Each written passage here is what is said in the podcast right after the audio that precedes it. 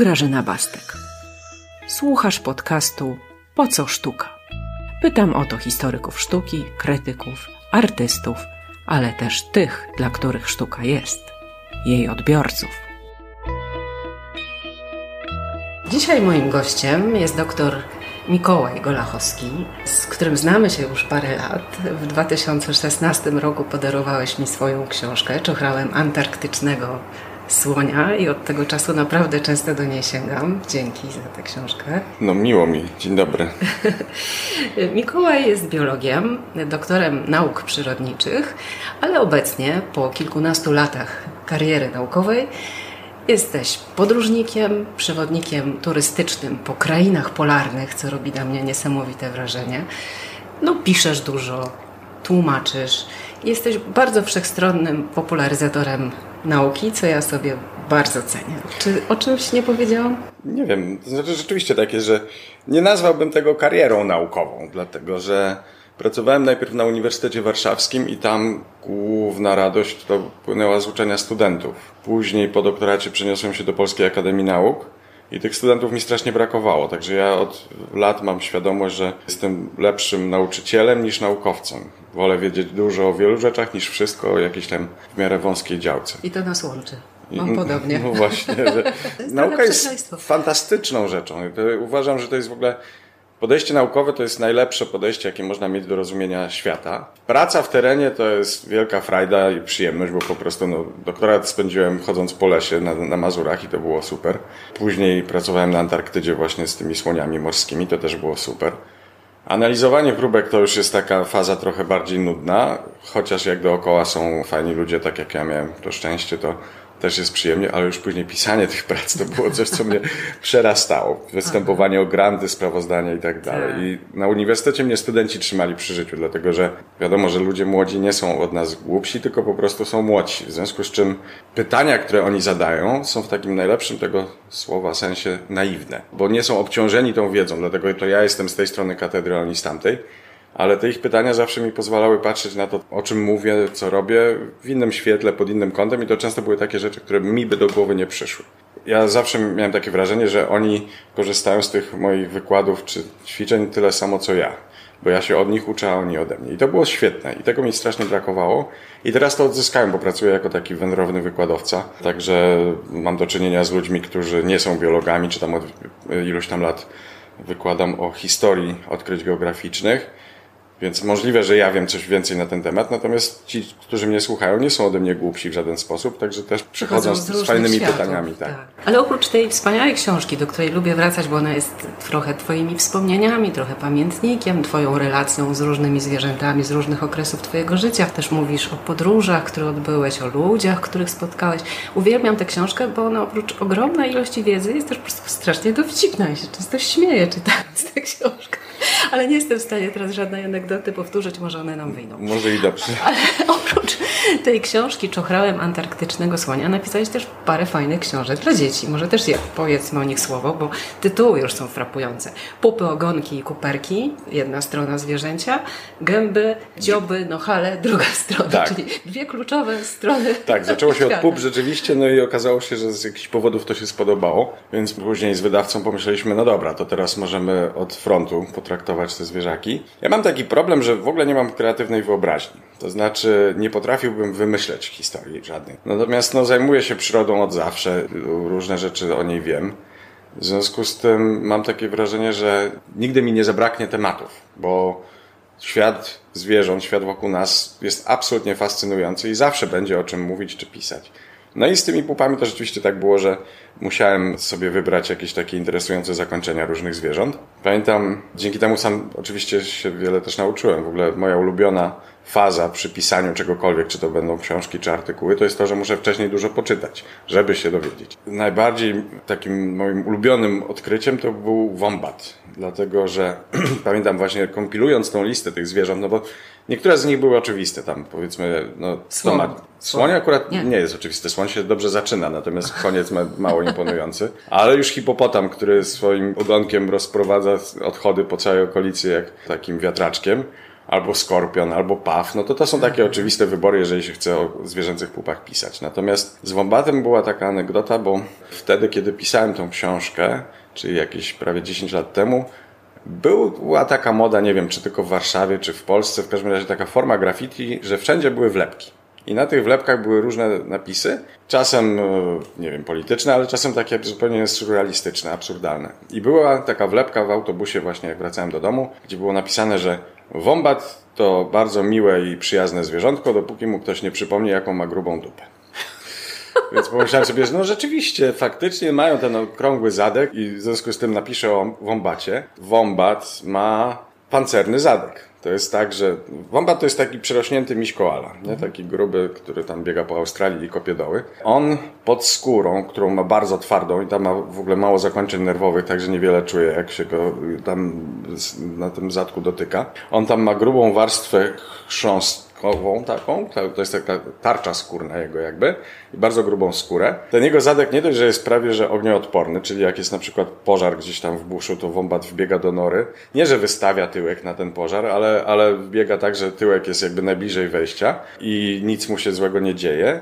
Ale co więcej, to jest jego broń przeciwko jego wrogom. I na przykład, jeżeli tam jeden dingo to by powiedzmy nie zawracał za bardzo mu głowy, dlatego że wombat jest silny, ma duże pazury i nie ma co z nim zadzierać. Ale już grupa dingo, całe stado to mogłoby. Więc on jak ucieka do tej swojej nory, tym zadkiem do tyłu zawsze sobie wyobrażam, że wtedy tam, nie wiem, otwiera piwo, zaczyna czytać książkę, to co, co wombaty lubią robić. A ten dingo tam siedzi przy wejściu do nory i nie może się przegryźć przez ten jego zadek, więc e, memła, memła, nie? I w końcu odpuszcza. Ale to wtedy, kiedy wombat ma taki dobry dzień, bo kiedy czuje się trochę bardziej awanturniczo, to ugina swoje bardzo silne tylne łapy, tak, że wpuszcza głowę tego dingo trochę głębiej do swojej nory w poszukiwaniu bardziej miękkich części wombata. A potem, i to jest niewiarygodne zupełnie, wombat prostuje te swoje muskularne nogi, miażdżąc czaszkę tego swojego wroga o powałę swojej nory. Niezłe jest. I to jest po prostu no, najlepszy zadek na świecie, naprawdę. Zaczepno obronny i ja też mam taką wizję w głowie, że później ten dingo idzie do tego dingowego nieba i tam wszyscy inni się go pytają, a co ci się stało? I mówię, a nie, zmieńmy temat, lepiej będziemy o tym rozmawiać. I to była taka sobie anegdota. Natomiast ona ma ciekawy ciąg dalszy, dlatego że parę lat temu na statku wśród tych moich turystów poznałem babkę, która jest biolożką z Australii i zajmuje się wombatami. I tak jakoś to wyszło w rozmowie, ja właśnie opowiedziałem tą historię, ona nie dość, że to potwierdziła, to jeszcze dodała do tego, bo mówi, ale czy ty wiesz, co on robi później z tymi trupami? Ja mówię, no nie mam pojęcia, nie? Ona mówi, że on wyciąga te trupy tych dingo i ciągnie je na granicę swojego terytorium jako ostrzeżenie, że nie warto ze mną zadzierać. Nieźle. No po prostu rewelacje. Ja bym takich rzeczy nie wiedział, gdybym nie pisał te książki i moje życie, mam wrażenie, byłoby dużo uboższe, gdybym nie znał e, zagadek tyłka wombata. Ale oprócz pup i gąb napisałeś jeszcze jedną książeczkę dla dzieci. No, książeczkę to może źle brzmi. Książkę o Darwinie. Tak. No tutaj to właśnie był ten jeden moment w moim życiu, kiedy musiałem jakąś historię trochę wymyśleć i tam miałem zalecenie takie, że musi być bohater dziecięcy, musi być jakiś dialog. Ja myślę sobie, kurde, no gdzie ja temu Darwinowi jakiegoś dzieciaka tam przyprawię? Jak chcę pisać o wyprawie Bigla na przykład, jak ja mam wymyślać dialogi tam między załogą? Bez sensu zupełnie. No ale na szczęście przyszło mi do głowy, żeby napisać taką jakby meta książkę i że to jest o tym, że moja córka Hania podchodzi do mnie, bo jej się nudzi coś tam nie? i pyta się, co robię. Ja mówię, że piszę właśnie książkę o Darwinie. A kto to był Darwin? A, I w ten sposób to tak jakoś tak wyszło i, i, był i dialog, i bohater dziecięcy, mm. i cała nasza menażeria też bierze udział, czyli wszystkie koty, które wtedy mieszkały, jeszcze psa nie mieliśmy żółw i tak dalej. No jakoś tam to wyszło, nawet byłem zadowolony. Ale to jedyny raz w moim życiu, kiedy musiałem mhm. twórczo podejść do jakiegoś tematu. Ale wyszło. No tak chyba. Jakie zaginione, takie wymarłe zwierzę, gatunek, myślę o całym mhm. gatunku, chciałbyś zobaczyć w jego naturalnym środowisku, tak jak sobie żyje? Gdzie chciałbyś się cofnąć, wrócić, co zobaczyć? Myślę, że najbardziej to bym chciał zobaczyć ptaka Dodo. To A. jest pewnie mało oryginalna odpowiedź na to pytanie, ale po prostu nawet niedawno byłem w Muzeum Historii Naturalnej w Londynie no Dodo to jest po prostu absolutne zjawisko, coś niewiarygodnego. To ja się nie dziwię, że on jest jednym z bohaterów nie wiem, Alicji w Krainie Czarów i różnych innych takich książek, bo, bo działa na wyobraźnię. Wygląda absolutnie absurdalnie. No i niestety skończył tak, jak skończył, mm. dlatego że ludzie go zobaczyli, że nie za bardzo ucieka, a nawet jak próbuje, to mu to słabo wychodzi, no to mm. szybko dosyć wytłukł. Tak, no to może powiedzmy, to był endemiczny gatunek tak, z, Mauric... z Mauritiusa. Tak. Mauritiusa i Holendrzy go wytępili, tak, bo był tak. jak kaczka między Wielki kaczką a gęsią. Tak, on nie uciekał, łatwo no, było właśnie. złapać i zjeść. Pamiętam, jest, mam takiego ulubionego rysownika amerykańskiego, który się nazywa Gary Larson i jest jeden taki y, rysunek dotyczący Dodo. I tam mamy te, właśnie taki widok tego Mauritiusa. To dochodzą, jeden tam czyta książkę, drugi y, eksperymentuje z jakimiś tam próbówkami, jacyś inni dyskutują o różnych rzeczach i właśnie podpis jest taki, że mało kto o tym wie, ale Dodo y, miały bardzo zaawansowaną cywilizację, dopóki myśmy ich razem ze świniami i szczurami nie wytępili tak jak zwykle w wielu obrazach i rysunkach z XVII wieku ptak Dodo przemyka. Nawet myśmy razem tak, oglądali tak, tak obraz tak, w Muzeum Narodowym w Warszawie Rolanda Saveri, który był nadwornym malarzem Rudolfa II w Pradze a tam była wielka menażeria, ten ptak Dodo z Pragi chyba tam już martwy dojechał, zdaje się, bo to, co oni tam zrobili, -hmm. czyli wypchanie go, jak to się elegancko mówi, tak, sydermia, tak, sydermia tak. było już y, oprawianiem pewnie zwierzęcia, które nie przetrwało podróży, więc on trochę koślawy, ale już dużo nam mówi. Nawet ostatnio w Berlinie widziałam jakąś rekonstrukcję ptaka Dodo w Muzeum Historii Naturalnej, no faktycznie fascynujące tak, ale to tak jak mówię, to jest taka odpowiedź moim zdaniem mało mm. oryginalna, bo rzeczywiście bardzo bym go chciał zobaczyć na tym Mauritiusie i nawet zniósłbym to, że tam jest pewnie dosyć ciepło, a ja nie lubię. Nie sądzę, żeby to był najciekawszy z gatunków, które mhm. udało nam się wytępić. Chyba najbardziej taką imponującą historię to ma gołąb wędrowny, który tak. kiedyś był najliczniejszym ptakiem na świecie. Jego stada w XIX wieku w Ameryce określano na wiele milionów osobników. Podobno niebo. Opisy były takie, że niebo ciemniało jak one leciały i było ciemne przez dwa dni na przykład, nie? bo to tyle trwało zanim te wszystkie ptaki przeleciały. A myśmy je wytępili? A myśmy je wytępili właściwie po nic. To znaczy ludzie trenowali sobie strzelanie do nich. Owszem, e, były w menu, zwłaszcza uboższych ludzi, bo było ich pełno i można było do nich polować. Natomiast jakby kulinarnie to, to nie był Dodo. To dosyć chudy gołąb po prostu. No ale okej, okay, to powiedzmy, że go zjedli. Natomiast głównie on był dla przyjemności, dla sportu, tak zwanego mhm. sportu wytępiony. No tak po prostu, bo frajdę ludzie mają w tym, że zabijają zwierzęta, co jest czymś, czego ja nie potrafię zrozumieć zupełnie. I do, na początku XX wieku nagle się okazało, że ich jest coraz mniej. I w końcu ostatnia ta Marta umarła w latach latach dwudziestych. I to jest niewiarygodne, że daliśmy radę po prostu wytępić gatunek, który był jeszcze nie tak dawno najliczniejszy i w ciągu kilkudziesięciu lat po prostu ludzie go zabili. Jaka jest Twoim zdaniem najdziwniejsza istota na Ziemi? Tutaj kryteria możesz sobie oczywiście zastosować, jakie chcesz. Kusi mnie, żeby powiedzieć, że człowiek, dlatego że jesteśmy debilami z natury. To znaczy nie zasługujemy w żaden sposób na to sapiens przy naszym określeniu. I to jest bardzo dziwne, że niby uważamy się za inteligentnych, a jednocześnie konsekwentnie robimy same głupoty i niszczymy planetę, od której nasze życie zależy. Ale to jest mało intrygujące, wydaje mi się, to jest po prostu żałosne i tyle. Natomiast kto jest najdziwniejszy, ale z takich istniejących rzeczywiście, czy z tych z wyobraźni? No może istniejących. Oj, no dużo ich Kiedyś jest. napisałeś o Rawce.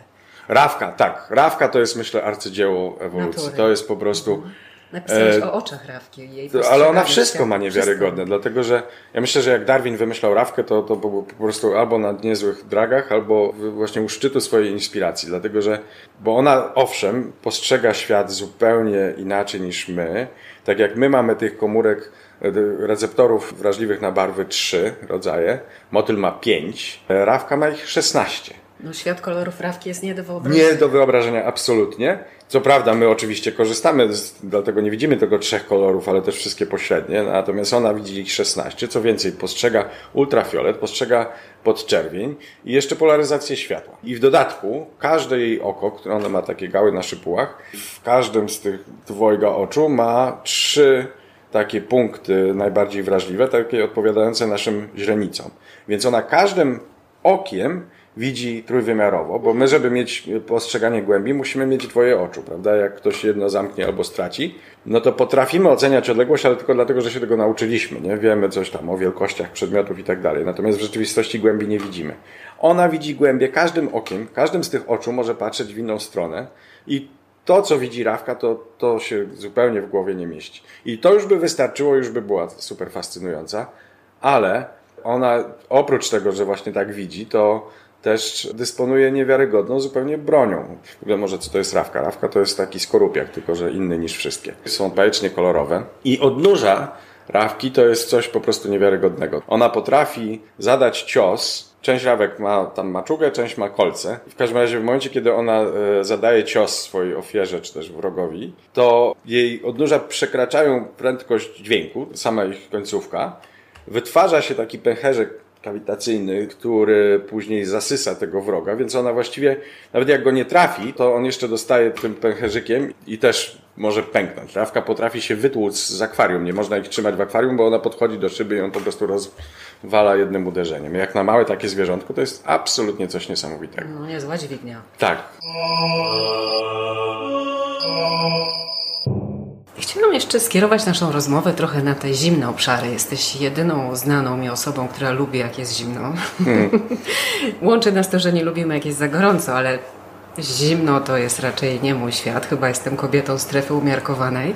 Ty lubisz zimno, Nocowałeś dwa razy, przeżyłeś zimę na e, Antarktyce, czy już więcej tak, czasu? Kiedy dwie zimy tam spędziłem, przy czym no, powiedziałaś nocowałeś, to, nocowałeś, to nie... Tak, zimowałeś, tak, ale, słowa. Nie, ale chodzi o to, że rzeczywiście istnieje coś takiego jak noc polarna i to jest taki okres, kiedy no, definicja jest taka, że przez co najmniej 24 godziny słońce się nie pojawia nad horyzontem. Natomiast takiego czegoś nigdy nie doświadczyłem, dlatego że ta polska stacja antarktyczna Arctowski jest jeszcze jakby bliżej nas niż krąg polarny, czyli jest na północ od kręgu polarnego, a to właśnie krąg polarny wyznacza tą granicę, poza którą ta noc polarna istnieje, więc nawet u nas w środku zimy, no to tam było 3,5 godziny światła. Mhm. Także nocy nie doświadczyłem. Przyznałeś się też do tego, że sześć razy byłeś na północnym biegunie. Tak, to byłem na samym biegunie wtedy. Łatwo to prawda. ziemię dookoła. Tak, to jest bardzo wygodne miejsce, bo tam w kilku krokach można dookoła świata Parę razy. Tak, no.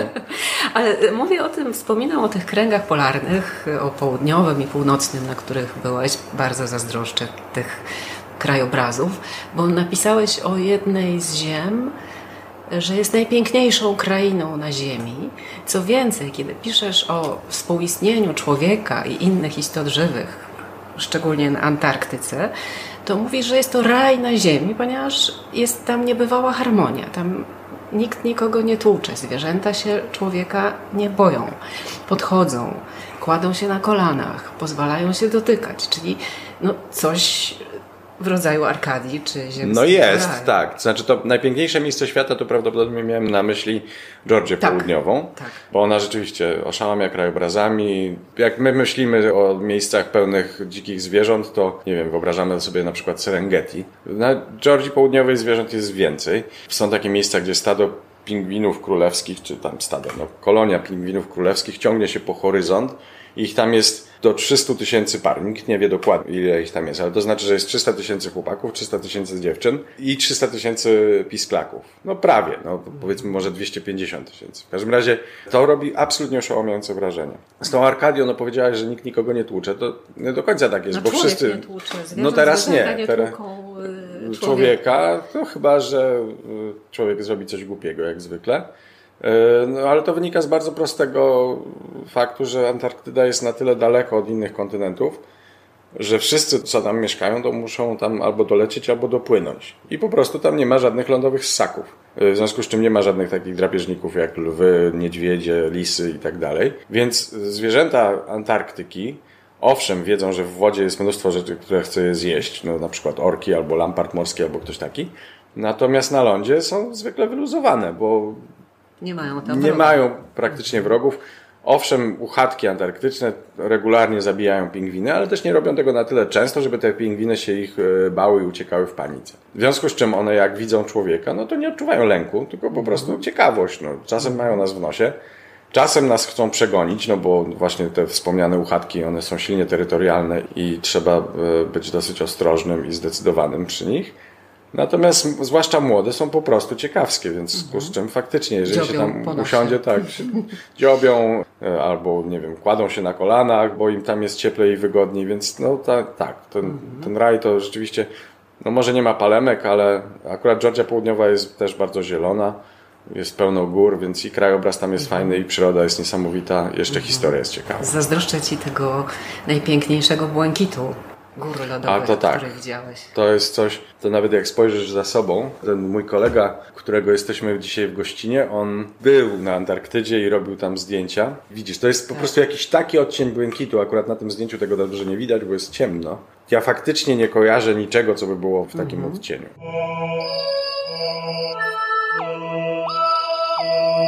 Ja chyba byłabym szczęśliwa na Antarktyce, bo tam nie ma muzeów. Ale na Arktyce może już są? No tam muzea są, dlatego że Arktyka, pośród wielu innych różnic między tymi dwoma rejonami, ma historię ludzką. Tam e, ludzie dotarli na tyle daleko na północ, żeby uznać to za już za Arktykę, to na obszarze Syberii około 50 tysięcy lat temu.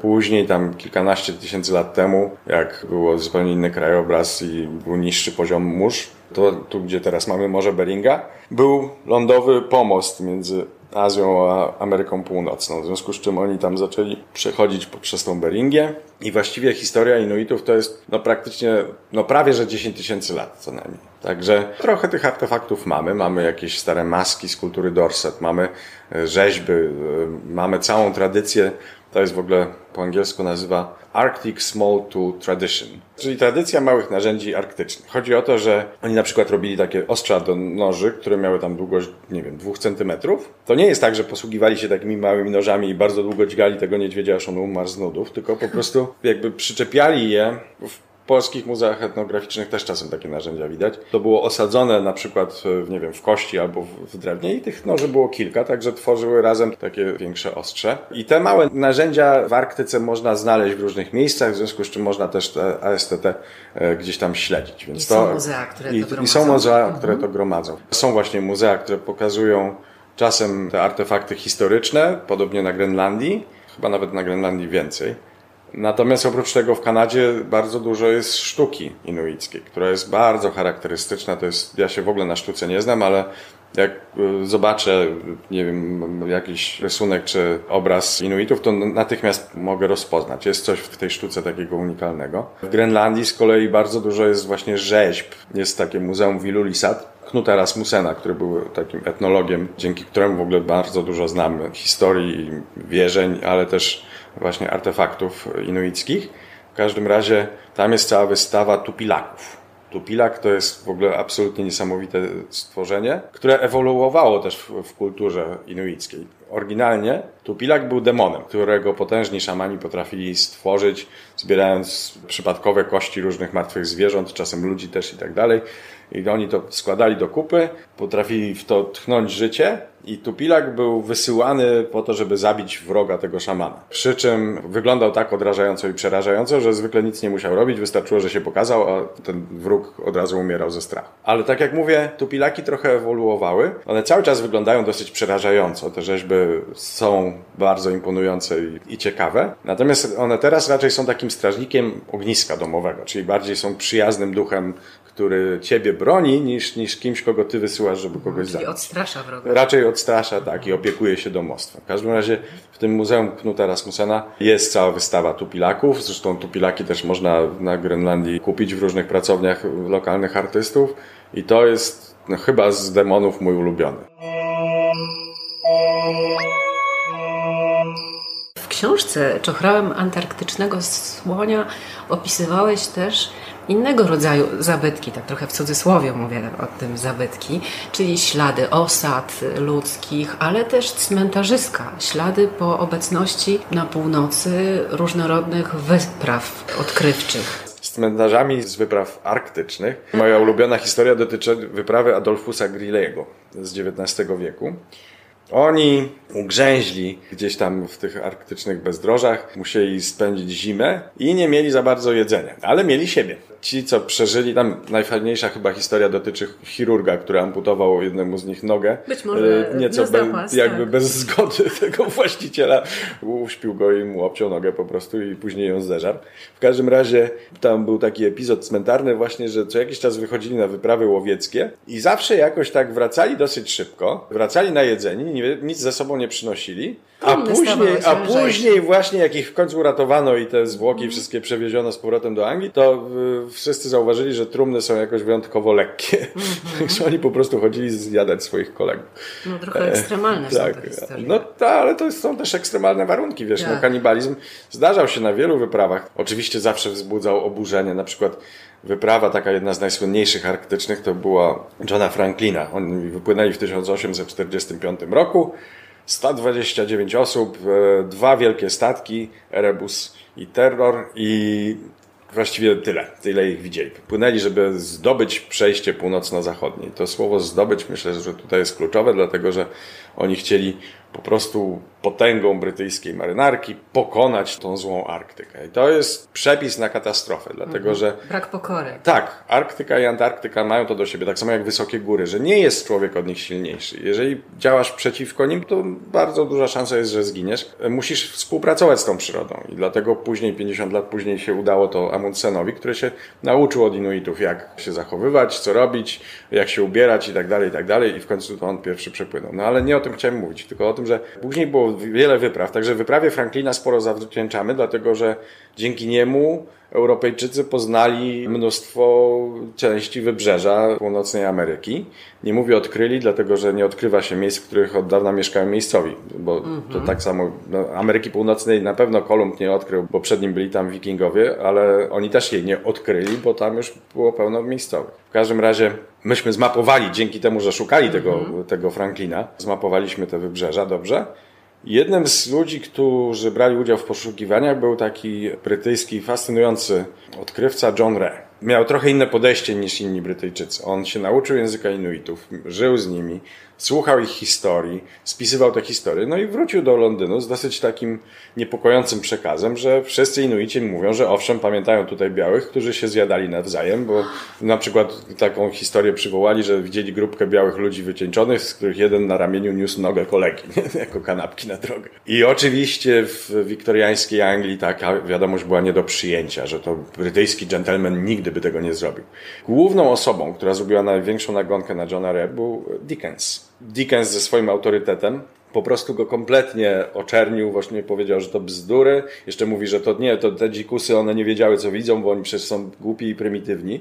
Także Dickens, który niby znany jest z tej wrażliwości społecznej, po prostu był rasistą, zdecydowanym arogantem i w tym kontekście wypada fatalnie moim zdaniem. W każdym razie efekt był taki, że e, John Ray był jedynym z tych znanych odkrywców, który nigdy nie dostał tytułu szlacheckiego, bo po prostu społeczność wyparła te jego rewelacje. A teraz archeologia potwierdza, że owszem, jak najbardziej, bo znajdują na przykład szkielety z tej wyprawy, które wyraźnie mają e, nacięcia. nacięcia od noży na kościach mm. i tak dalej. No zresztą kanibalizm w takich przypadkach katastrofalnych to chyba jest jedyną sposobem to na przetrwanie. Tak. I słynny obraz Teodora Żriko, Tratwa Meduzy, wydaje nam się takim heroicznym obrazem uratowanej załogi, ale oni uratowali się po iluś tam 40 bodaj dniach dryfowania na tratwie, dzięki temu, że jedli zmarłych kolegów. Zawsze mnie śmieszą z takim, takim pożałowaniem zarazem historie związane z tą arogancją i butą białego człowieka w stosunku do miejscowych. W Arktyce takich historii jest pełno. Chociażby to, że na przykład tych statków Franklina szukano przez 150 e, lat. Wreszcie chyba 10 lat temu parki kanadyjskie ogromnym nakładem sił i środków z użyciem samobieżnych czy tam samopływnych robotów podwodnych znalazły jeden z tych statków, dwa lata później znaleźli drugi. A najśmieszniejsze jest to, że one zostały znalezione dokładnie w tych miejscach, o których Inuici mówili od 150 lat, bo oni między sobą przekazywali te informacje i mówili, że to one tam są, tam, tam są te statki. Nikt nie, nie wiem, zignorowali. Wow. W każdym razie to jest imponujące. Jeden z tych statków był na tyle płytko, że go w ogóle przy dobrej pogodzie, jak się nad nim jest, on jest tylko na kilkunastu tak. metrach, to go widać pod wodą. To jest taki przykład dla mnie no, aż śmieszny. A z kanibalizmem moja ulubiona historia to jest historia takiego statku wielorybniczego Essex, który był inspiracją dla Melville'a do napisania Moby Dicka. To był statek z Nantucket i on polował na wieloryby gdzieś tam na Pacyfiku I rzeczywiście zdarzyło się tak, że ogromny kaszalot staranował ten statek. Zresztą dane nasze, ja znowu odbiegam od tematu, nie, nie, ale jak wspomniałem o kaszalotach, to od razu mi się przypomina, że jest coś bardzo ciekawego. Mianowicie są wiarygodne relacje, że kaszaloty w XIX wieku mogły osiągać nawet 30 metrów, czyli były wielkości y, płetwala błękitnego. Czyli taki tylko, blok kilkupiętrowy. No, tylko tyle, że oczywiście samce, bo u nich jest duży dymorfizm płciowy, samice są mniejsze. Tylko tyle, że my polowaliśmy na nie tam z powodu spermacetu i różnych innych rzeczy, które z tych zwierząt pozyskiwaliśmy. I te największe oczywiście były najbardziej cenne dla wielorybników. W związku z czym Teraz, kiedy największe samce kaszalotów mają niecałe 20 metrów długości, to jest bardzo możliwe, że to jest efekt po prostu presji ewolucyjnej, które wywarliśmy na te zwierzęta, polując na nie bardzo intensywnie. I jakby te wszystkie największe kaszaloty zostały wytępione, więc nie wiadomo, czy te geny w ogóle na bycie takim dużym przetrwały w populacji. To się okaże, no jeżeli w ciągu najbliższych kilkudziesięciu lat pojawią się kaszaloty znowu przekraczające 20 metrów, bo przestaliśmy na nie polować, może się tak zdarzyć. No nic. E, Essex został starowany przez przez takiego wielkiego kaszalota, który bronił tam swojej rodziny. I znaleźli się pośrodku tego Pacyfiku na łodziach ratunkowych, nie mają statku no to muszą gdzieś wracać. Nie? Oni byli około 2000 mil morskich od wysp Oceanii, ale nie chcieli tam płynąć, mimo że prądy sprzyjały i było blisko, bo bali się kanibali. W związku z tym postanowili, że jednak będą wracać do Stanów, gdzie mieli dużo dalej i pod prąd. Długo trwało, zanim w sumie dwie łodzie dopłynęły, rzeczywiście z trzech. Zdecydowana większość ich w międzyczasie e, zginęła. Ale ci, co przeżyli, zżerali się nawzajem. Nawet na jednej z łodzi była taka sytuacja, że po prostu ciągnęli słomki i ten, co wyciągnął najkrótszą, został zastrzelony i zjedzony. Więc mhm. przez tą swoją białą arogancję. Ucieczkę przed kanibalami. Ucieczkę przed kanibalami skończyli na tym, że zżerali się wszyscy Aha. nawzajem. Relacja pomiędzy człowiekiem a innymi istotami żywymi jest bardzo skomplikowana w historii ludzkości, bo o historiach chcemy opowiadać. Od skrajności do skrajności, od ubóstwiania, bo bardzo wiele zwierząt w wielu kulturach jest ubóstwionych, aż po skrajną walkę tak? między Bogiem a ofiarą zwierzę funkcjonuje w mhm. naszej kulturze. Dawna sztuka, czy to malarstwo, rzeźby, różnorodne wyobrażenia, trochę o tej relacji opowiadają. Czy znasz jakieś takie wyobrażenia, obrazy, malowidła dawne, nawet prehistoryczne, rzeźby, które coś z tej relacji takiej skrajnej relacji zdradzają? Masz jakieś takie ulubione wyobrażenia? Tak jak Ci powiedziałem, ja na sztuce się za bardzo nie znam, a ta, która jest najbliższa mojemu sercu, to są, to są w ogóle malowidła naskalne gdzieś tam sprzed 15-20 tysięcy lat. Bardzo mi imponuje to, że ci artyści no nie dość, że w ogóle im się chciało włazić gdzieś pod ziemię. No na przykład najsłynniejsza grota Lascaux. Tylko dlatego ją znamy, że się ziemia osunęła. I tak? dzieciaki wpadły. I dzieciaki wpadły, czy tam zajrzały, czy coś, mhm. nie? Natomiast oryginalne wejście do Lascaux to był tunel, który prowadził w głąb góry, przez który trzeba było pełzać na czworaka. I co miał w głowie facet czy kobieta, bo y, im więcej wiemy, tym bardziej sobie zdajemy sprawę, że oczywiście kobiety też malowały po tych ścianach. Co miała taka osoba w głowie, pełznąc w głąb ziemi kilometr, po to, żeby namalować przepiękne obrazy, których nikt nigdy nie zobaczy. Albo zobaczy jego kolega w świetle pochodni, natomiast one nigdy nie ujrzą światła dziennego, prawda? Te zwierzęta czasem mają dużo nóg. To może być takie dziwne, jak to byk tam ma 8 nóg, Chodzi o to, że w migotliwym świetle e, pochodni to stwarzało wrażenie ruchu. ruchu. Jedna noga była widoczna, czasem druga i tak dalej. Taki przepływ. Więc tak. to niezupełnie trochę uciekłem od Twojego e, mhm. pytania, dlatego nie, że ciekawe. nie przychodzi mi do głowy w tej sekundzie nic takiego o tym kulcie bądź nienawiści. Wiadomo, że są mhm. niektóre zwierzęta, które po prostu mają bardzo złą prasę. Na przykład szczury. No, można to uzasadnić powiedzmy tym, że faktycznie była plaga Dżuma, która wykończyła mnóstwo Europejczyków. Notabene niedawno czytałem bardzo ciekawy komentarz. Otóż to też ma związek z naszym stosunkiem do zwierząt. Któryś z papieży właśnie niedługo przed tą plagą stwierdził, że koty są zwierzętami szatana i wydał kotom wojnę. No wiadomo, że koty też się wiążą z czarownicami, bo tam były u nich i tak dalej. W związku z czym koty były intensywnie tępione. Jest bardzo możliwe, że to właśnie temu papieżowi zawdzięczamy tą całą plagę, to znaczy Plagę całą, tą, całą plagę szczurów, bo po prostu one się bez kontroli ze strony kotów rozmnożyły się, zaczęły roznosić tą chorobę i dzięki temu wymarła jedna trzecia Europy. Dzięki temu, że papież nie lubił kotów. Zresztą koty właśnie mają taki, no ja nie jestem do końca obiektywny, jak mówię o kotach, bo uwielbiam je, ale one są chyba dobrym przykładem takiego zwierzęcia, które wzbudza skrajne emocje, bo generalnie no mają idealny PR. W ogóle nie jest, to nie jest tak, że myśmy je oswoili, tylko one nas oswoiły, bo po prostu się kiedyś wprowadziły do naszych spichlerzy nie dlatego, że myśmy chcieli, żeby tam mieszkały, tylko dlatego, że tam było dużo myszy i innych smacznych gryzoni. A że akurat tak się składa, że, że są miękkie, puszyste, jeszcze mruczą jak e, się je głaszcze, no to ludzie oczywiście się zakochali i, No i jeszcze i tępią, częściej... No a przy okazji tępią myszy, ale one tego nie robią z uprzejmości dla nas, tylko po prostu To się żywiły tymi myszami. To w tym obszarze żyznego półksiężyca, te kilkanaście tysięcy lat temu, kiedy koty zostały, powiedzmy, z braku lepszego słowa, udomowione, chociaż tak jak mówię, ten proces wyglądał odwrotnie, to one nas udomowiły bardziej niż my je. Tam akurat się złożyło tak, że ten miejscowy podgatunek żbika, czyli kot nubijski, trochę mniej się bał ludzi niż nasze żbiki na przykład, które mieszkają w Polsce. W związku z tym koty nubijskie są przodkami właściwie wszystkich kotów na całym świecie teraz, bo akurat tak się złożyło, że one się mniej trochę bały. No i były słodkie, puszyste i tak dalej. No, Egipcjanie, że je ubóstwiali, to, to trudno im się dziwić, ale to I wszyscy wiedzą. Tak? I mumifikowali i tak dalej. No, z drugiej strony mamy tego papieża, który właśnie uznał je za, za zwierzęta Ale to była szatańskie. jakaś osobista idiosynkracja. Chyba tak, tak. Natomiast to niewątpliwie no, miało też wpływ na historię i to pokazuje, że można je ubóstwiać, można ich nienawidzieć. I do tej pory nawet jest tak, że niektórzy ludzie lubią się określać jako... Ja nigdy nie rozumiałem takiej potrzeby, żeby powiedzieć, kogo wolisz, psy czy koty, bo lubię ich wszystkich. Natomiast są ludzie, którzy nie cierpią kotów albo psów. No mają jakiś problem i to jest ich problem, ale... W ogóle z tym lubieniem lub nielubieniem to jest ciekawa historia. W ogóle człowiek ma taką tendencję do antropomorfizowania Mm. zwierząt. I nawet sobie tak myśleliśmy, że o tym pogadamy. Bo mnie na przykład fascynuje to, że człowiek swoje cechy przerzuca na zwierzęta. Czasem to rzeczywiście wynika z obserwacji, no bo można powiedzieć o lisie, że jest sprytny, skoro się zakrada do kurnika po, po cichu, nikt tego nie widzi, nie słyszy, e, wyrzyna tam te kureczki i ucieka spokojnie, tak?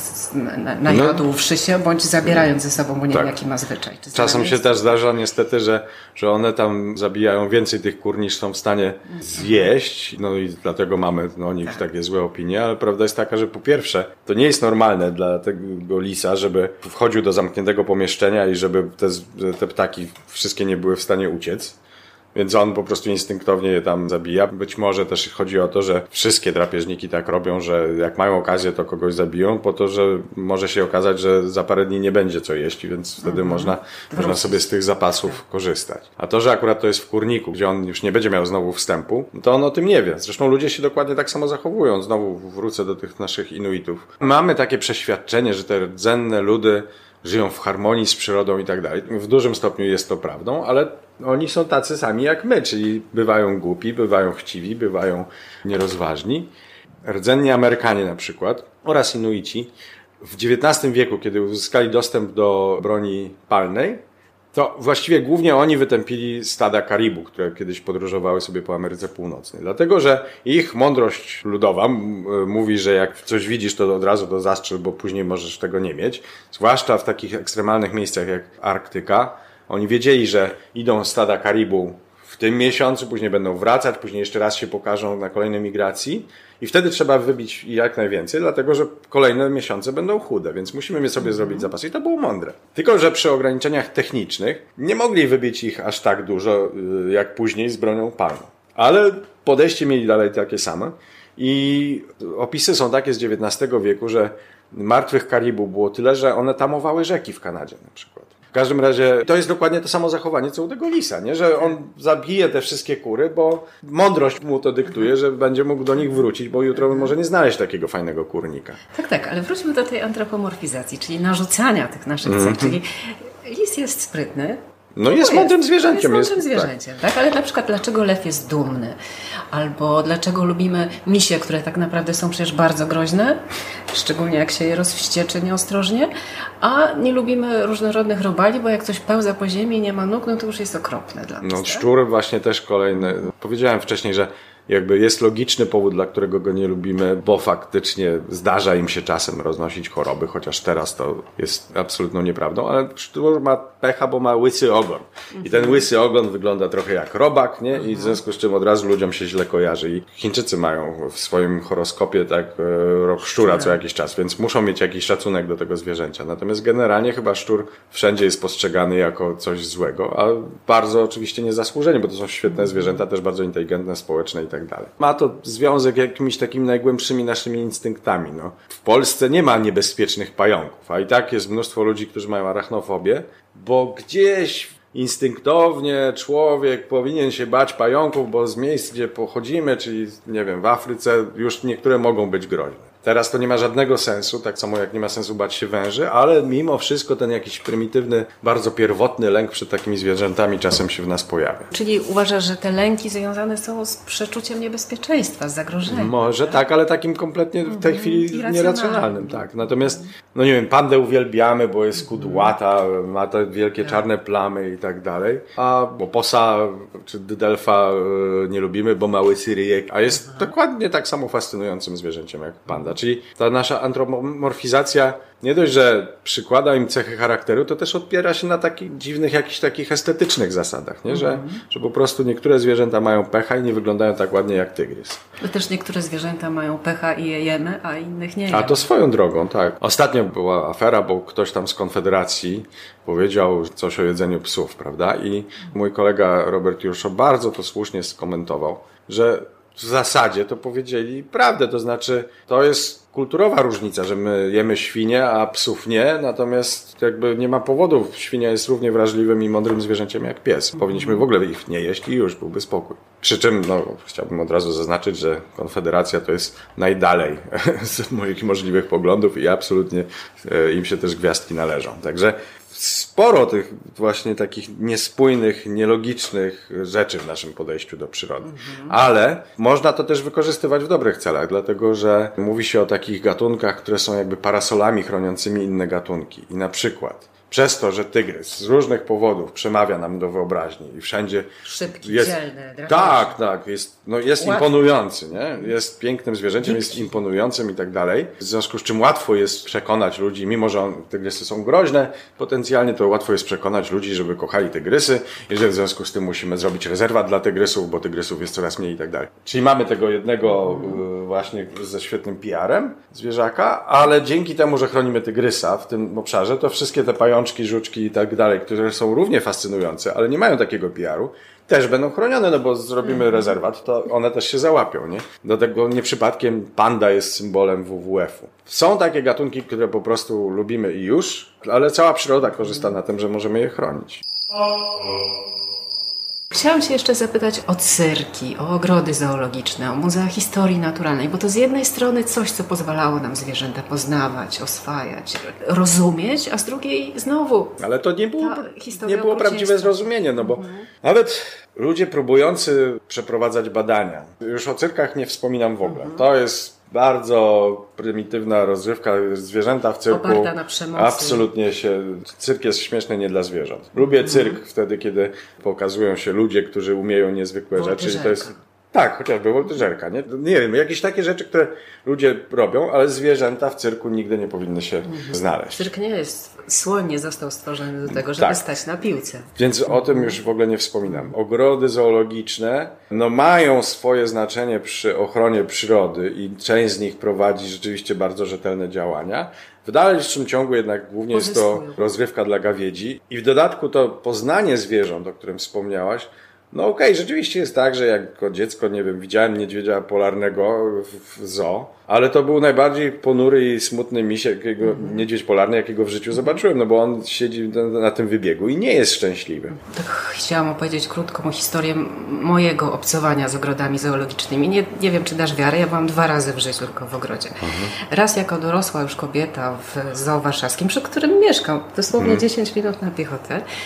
Byłam tam dawno, w latach 90. bodaj. Wyszłam tam z ogromnym bólem głowy, bo to były jeszcze czasy, nie wiem jak jest teraz, kiedy tam było dosyć brudno, zwierzęta stare, takie jakby trochę zaniedbane. Chociaż być może mówię złe rzeczy, tego nie wiem, to była moja subiektywna ocena. I nigdy tam już nie wróciłam. Do dzisiaj nie byłam w warszawskim zoo, chociaż mieszkałam to naprawdę parę kroków stamtąd. Druga moja wycieczka w Budapeszcie, bo Budapeszt ma jedno z najstarszych ogrodów zoologicznych w Europie i ja tam chciałam trochę zobaczyć też architekturę, tak, mhm. ogrodową, pawilony. Myślałam, że tam zobaczę też kawałek historii miasta. Niewiele tego było, natomiast zobaczyłam wybieg dla goryli rodzinę goryli samice z dziećmi na wybiegu, chodzące po takiej wolnej przestrzeni i wkurzonego, po prostu wkurzonego samca, który siedział gdzieś w kącie, trochę chyba pilnował swoich, a trochę się nie chciał pokazywać, bo był tak wkurzony, że te debile na niego patrzą, że się chciał chyba po prostu schować, ale jednocześnie tym jednym okiem tak pilnować, co się dzieje. To jest cała moja historia z ogrodami no więc Nie znoszę tego bardzo. Ja pamiętam, miałem przyjemność rozmawiać pół roku temu z Francem de Walem, czyli takim antropologiem, który pisze fantastyczne książki. Tłumaczyłem jego ostatnią książkę na polski. Jak się różnimy, to jest gender e, oczami antropologa. I on tam podaje przykłady właśnie naszego kompletnego niezrozumienia naszych bliskich krewniaków, innych naczelnych, opartego na obserwacjach w zoo. Dlatego, że no, bywały takie sytuacje, że nie wiem, że pawiany mordowały się nawzajem, albo jakieś tak, mamy przeświadczenie stamtąd wyniesione, że one nic innego nie robią, tylko się mordują. A później się okazało, że po prostu obce zwierzę zostało na siłę wrzucone do stada, albo ze stada były wyjęte wszystkie samice, albo coś tam, albo zagęszczenie było za duże. W naturalnych warunkach nigdy by się coś takiego nie zdarzyło. Oczywiście ich świat jest brutalny i zdarza im się, że jeden drugiego zabije. Szympansy prowadzą regularne wojny między sobą, ale w momencie, kiedy są w takich e, warunkach jak e, zoo, gdzie jest ich za dużo w danym miejscu, to tam zupełnie nienaturalne zachowania z nich wychodzą albo potęgują się te, które są naturalne. Normalnie to oni by się rozeszli. Tak naprawdę mamy takie mądre powiedzonko po polsku, że kruk krukowi oka nie wykole. I to nie chodzi o kumoterstwo, tylko chodzi, dla mnie to jest taki bardzo praktyczny opis sytuacji. Jeżeli są zwierzęta, które potrafią sobie zadać cierpienie, śmierć, poranić się i tak dalej, to one na ogół w warunkach naturalnych robią wszystko, żeby tej konfrontacji fizycznej uniknąć. No bo co z tego, że ja wygram z tobą, jeżeli mnie zranisz, to też na tym ucierpię. Nie? Dlatego jelenie ryczą. Jak mhm. ryczysz głośniej, to ja nawet tam nie będę podchodził. Tak? Te moje słonie, gigantyczne foki, one owszem walczą o terytoria, natomiast e, najpierw na siebie ryczą. Jeżeli twój ryk jest bardziej donośny do, od mojego, to ja nie mam po co tam chodzić. Nie? Dopiero jak te wszystkie mechanizmy właśnie ustalenia hierarchii zawiodą, zawiodą to wtedy przechodzimy do fizycznej konfrontacji. Nie? Mhm. Psy na siebie warczą, ale jeden się położy, drugi odpuszcza. U wilków dokładnie to samo. Czyli to o tym kruku, co krukowi oka nie wykolem, ja to rozumiem w ten sposób, że starają się tego nie robić, bo kruk ma potężny ciup i może drugiemu krzywdę zrobi. Owszem, kruki też przy okazji są bardzo inteligentne, społeczne i tworzą trwałe przyjaźnie i tak dalej, ale można to też tak technicznie odczytać, że chodzi o to, że po prostu starają się tego sobie nie zrobić. Jeżeli mogę uciec, to, to ucieknę. I jeszcze jedna straszna rzecz, którą ludzie robią zwierzętom, oprócz zamykania ich w tych nienaturalnych warunkach i nierozumienia mhm. procesów, mhm. tak, o których mówiłeś, które pomiędzy nimi zachodzą, z hierarchii, struktury, władzy i wszystkich podległości, to jest turystyka, która ma na celu pływanie z delfinami. O, tak Y, siadanie na słonie, na wielbłądy i robienie znowu tych rzeczy tym zwierzętom, do których one nie są zbudowane, no bo na przykład kręgosłup im się łamie albo deformuje, albo czego nie znoszą. Ja pamiętam, wysłuchałam z zaciekawieniem takiego Twojego wykładu online o tym, jaką wielką krzywdę ludzie robią orkom i delfinom, zamykając je w akwariach, w których się pływa, ponieważ one cierpią z powodu nadmiaru bodźców. Tak, tak to znaczy, no to też już sam fakt, że to zwierzę pływa setkami mil morskich w ciągu swojego życia, a tutaj nagle jest w, w małym zbiorniku, ale też ten, ten właśnie to, to, sensoryczne cierpienie jest bardzo u nich ewidentne, no bo wszystkie delfiny, orki to też są delfiny, tylko duże, obserwują świat za pomocą echolokacji. Mają wzrok tak jak i my, natomiast tym zmysłem, którym najwięcej mówi o otoczeniu i potrafi sięgnąć dużo dalej, jest, jest echolokacja. Jest ona na tyle precyzyjna, że potrafią znaleźć rzeczy zagrzebane gdzieś w mule i tak dalej. Widzą wzajemnie, jeżeli ty złamiesz kość jakoś w środku twojego ciała, to ja mogę to zauważyć. Wiem nie? też od Ciebie, że poznają, która samica jest w ciąży. To na przykład mogą zauważyć, e, że nie wiem, siostra jest w ciąży, bo to są też grupy rodzinne. Więc wyrwanie kogoś z takiej grupy rodzinnej, gdzie oni się komunikują, współpracują, kochają się, żyją kilkadziesiąt lat razem i tak dalej, już jest barbarzyństwem. Wsadzenie ich później do ograniczonego zbiornika, jakby on nie był duży, Wyobraź sobie, że jeżeli Twoją informacją o świecie jest echo, które się odbija od różnych obiektów, to jak masz ściany wokół siebie, to jest tak, jakbyś człowieka wsadziła do celi gdzie jest permanentne światło, no albo wystarczy... wręcz przeciwno, może, może właśnie e, ciągła ciemność, odchodzisz od zmysłów. I dlatego zdarzały się wypadki, że orki zabijały tych swoich opiekunów, bo po kilkudziesięciu latach to trudno im się dziwić. One po prostu kompletnie świrują. To tak no. jakby mnie zamknąć w restauracji pełnej okropnej muzyki. O, tak, tak, tak, dokładnie. Tak, tak, tak. Wiem, co to jest piekło. tak. Moglibyśmy gadać jeszcze naprawdę długo. Jesteś świetnym gawędziarzem wędrownikiem i podróżnikiem, który przybliża nam te nieznane światy, ale formuła mojego podcastu jest nieubłagalna. Tak myślę, że więcej niż godzinę to nikt nie jest w stanie nas słuchać, nawet jak sprząta, bo ja często przy sprzątaniu słucham albo przygotowaniu. Wylądujemy dzisiaj, ale mam nadzieję, że jeszcze się dasz namówić na bardzo rozmowę, chętnie. bo mamy mnóstwo wspólnych Lubię tematów. gadać. A ja słucham. Dziękuję bardzo za zaproszenie. A ja za to, że pozwoliłeś nam się wysłuchać. Dzięki. Dzięki. To już wszystko w tym odcinku podcastu Po co sztuka. Możesz go słuchać na Spotify lub w innej ulubionej aplikacji. Jeśli chcesz wiedzieć więcej o sztuce, o malarstwie i jego tajnikach, ale też o wszelkich rzeczach dziwnych i ciekawych, zapraszam do Galerii Osobliwości Grażyny Bastek na stronie grażynabastek.pl oraz na Facebooku i Instagramie.